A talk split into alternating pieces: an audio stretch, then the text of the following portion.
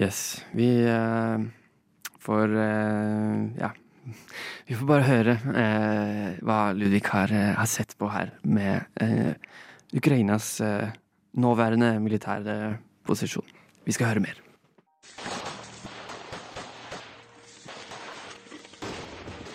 Til tross for den målrettede innsatsen til de væpnede styrkene i Ukraina, så har fem måneder med offensive operasjoner ikke brutt Russlands forsvarslinjer i Zaporizjzja.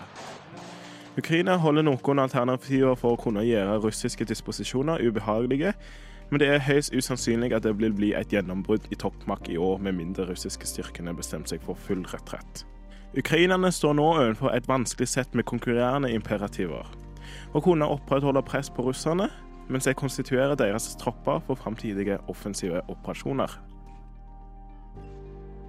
Både Russland og Ukraina har slitt med å kunne generere offensiv kampkraft i 2023, og den store slitasjen av erfarne junioroffiserer og trent feltpersonell har begrensa skalaen der offensive handlinger kan synkroniseres. Kombinert med terreng som inneholder kamper og den kanaliserende effekten av tette minefelt, så har ukrainske styrker blitt begrenset i handlinger i kompaniskala. Når de utvider omfanget av operasjoner, så har ukrainske styrker funnet ut at de mister synkroniseringen med støttetroppen i kompaniet. Russland har strevd på samme måte med å kunne synkronisere og koordinere aktiviteter i større skala, men dette er ikke et hinder for dem i å prøve, med store kostnader i personell og materiell. På begge sider så er det muligheten til å utvide omfanget der de kan operere, begrense treningsmulighetene. Ukrainske tropper, som er forplikta til fronten, sliter med å kunne bli trukket langt nok vekk for russerne til å kunne trene i større skala. Russland har i mellomtiden også forpliktet mange av sine erstatningstropper for å kunne opprettholde styrken til troppene ved fronten pga. høye antall skadde. Så lenge denne høye skadefrekvensen kan opprettholdes, blir det derfor mulig til å kunne undertrykke Russlands evne til å trene tilstrekkelig med nye tropper til standard, som er nødvendig til å effektivisere offensive handlinger. Hvis opprettholdelsen av en høy skadefrekvens undertrykker Russlands evne til å gjenvinne initiativet, så blir det spørsmål om Ukraina og dets internasjonale partnere kan skjerpe opplæringa. Bedre kobling av trening i og utenfor Ukraina for å gjøre det mulig for Ukraina til å utnytte mulighetene til våren. Dette kompliseres av behovet for å holde trykket oppe på russiske styrker. I løpet av vinteren 2022-2023 så mye av fronten intense trefninger men bare begrenste ukrainske forsøk på å endre kontrolllinjen betydelig. Mangelen på en trussel om offensiv handling fra væpnede styrkene i Ukraina tillot Russland til å kunne bygge tre omfattende forsvarslinjer med miner, skyttergraver og hindringer som gjorde Ukrainas offensive operasjoner i sommer til noe vesentlig vanskeligere. Hvis Ukraina ikke fortsetter å presse denne russiske linjen om vinteren, er risikoen for at disse forsvarslinjene utvides. Derfor må Kiev balansere rekonstitusjon med et behov for å opprettholde presset på russiske styrker.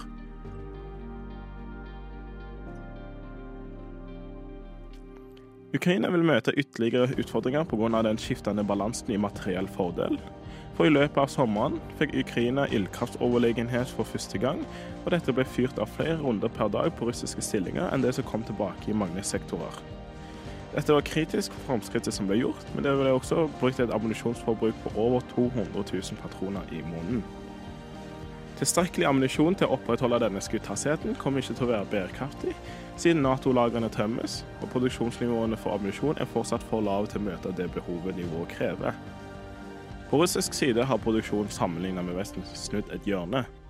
Det er ikke bare det russiske innenriksammunisjonsproduksjonen som har økt raskt, men nye linjer med ammunisjonsproduksjon blir levert fra Iran, Nord-Korea og andre stater. Flaskehalser i reservekanner og andre kritiske deler vil hindre russerne i å etablere ildkraftsoverlegenhet for før for neste kvartal, mens Natos produksjon skal øke senere i 2024, så er Ukraina ovenfor utfordringen med å opprettholde presset på russiske slitasje uten en overflod av artilleri. En utfordring ligger i luftvernet også. Den ene plausible veien mot at Russland skal kunne få en avgjørende fordel på slagmarken, er om dens luftstyrke er i stand til å kunne finne og begynne å bombe fra middels høyde, noe som øker treffsikkerheten av bommene betydelig. For å kunne gjøre dette må de fornekte Ukraina luftforsvaret deres. I lys av dette så fortsetter Russlands angrep på ukrainsk kritisk nasjonal infrastruktur å lage en strategisk trussel. Hvis Russland kan ødelegge evne til å pumpe vann inn i Ukrainas byer i perioder med kalde temperaturer, og rør begynner å sprekke, så kan potensielt dette gjøre urbane områder ubeboelige. Derfor må missilene avskjæres, men avskjæringsammunisjon og missiler er en stor mangelvare. For Russland så har deres tilgang på angrepsammunisjon økt. I oktober 2022 produserte Russland omtrent 40 langdistansemissiler i måneden. Nå er produksjonen over 100 i måneden, og dette er supplert med et stort antall Geran 2 UAV fra Iran.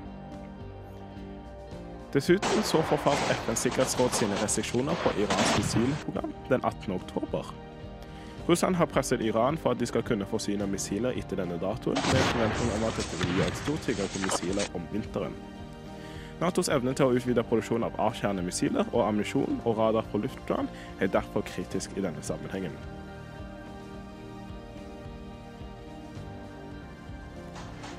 Og til tross for disse utfordringene, så har Ukraina valgt å fortsette å angripe Russland sine tre posisjoner i Sør-Ukraina, og forårsaket at de posisjonene forverres. Langdistanseangrep ved hjelp av amerikanske attackums ødela elektroniske krigshelikoptre som hadde vært viktige for å beskytte russiske styrker. Nøye orkestrerte angrep på russisk luftvern gjør også en rekke mykere mål mer sårbare. Når disse hullene åpner seg, kan Ukraina maksimere effektiviteten av de begrensende lagrene av GMLRS, den har for å ødelegge og forstyrre russisk logistikk. På samme tid, hvis et samlet gjennombrudd blir mindre sannsynlig, kan Ukraina utnytte bredden på fronten for å holde russiske styrker i feltet, ettersom været forverres. Nylig angrep over Dnipro utvider f.eks. fronten som russiske tropper må forsvare, som reduserer antall styrker som kan trekkes tilbake og trenes eller rekonstitueres. Handlinger som gjør framskritt der russerne har latt dem selv være sårbare, kan raskt bli utnytta. Vinteren gir nok en gang en mulighet til å maksimere russiske tap. Hvis russiske tropper er trukket inn til å forsvare en bred front, med ukrainske tropper som presser seg inn i hullene i forsvaret istedenfor å prøve å bryte gjennom forsvarte områder, vil russiske styrker være ute og utsatt for vær og regn gjennom vinteren. Hvis målrettede angrep kan forringe logistikken til russerne, så kan ukrainske styrker maksimere klimatiske tap av russiske styrker. Det er bemerkelsesverdig at russiske tap sist vinter var ekstremt høyt, selv om de hadde ildkraftsoverlegenhet. Videre aktivitet i Svartehavet er også viktig. For det første så er å utvide trusselen mot Krimhalvøya tvinger russerne til å spre ut mer truede luftlandsystemer som S-400. For det andre så er det den videre erosjonen av Svartehavsflåten sin manøvreringsfrihet viktig, noe som bidrar til å legge vilkårene for isolasjon av Krim i 2024. Og Disse forholdene kan bli oppretta, men de er alle avhengig av at væpnede styrkene i Ukraina er i stand til å kunne konstituere seg i sjøl.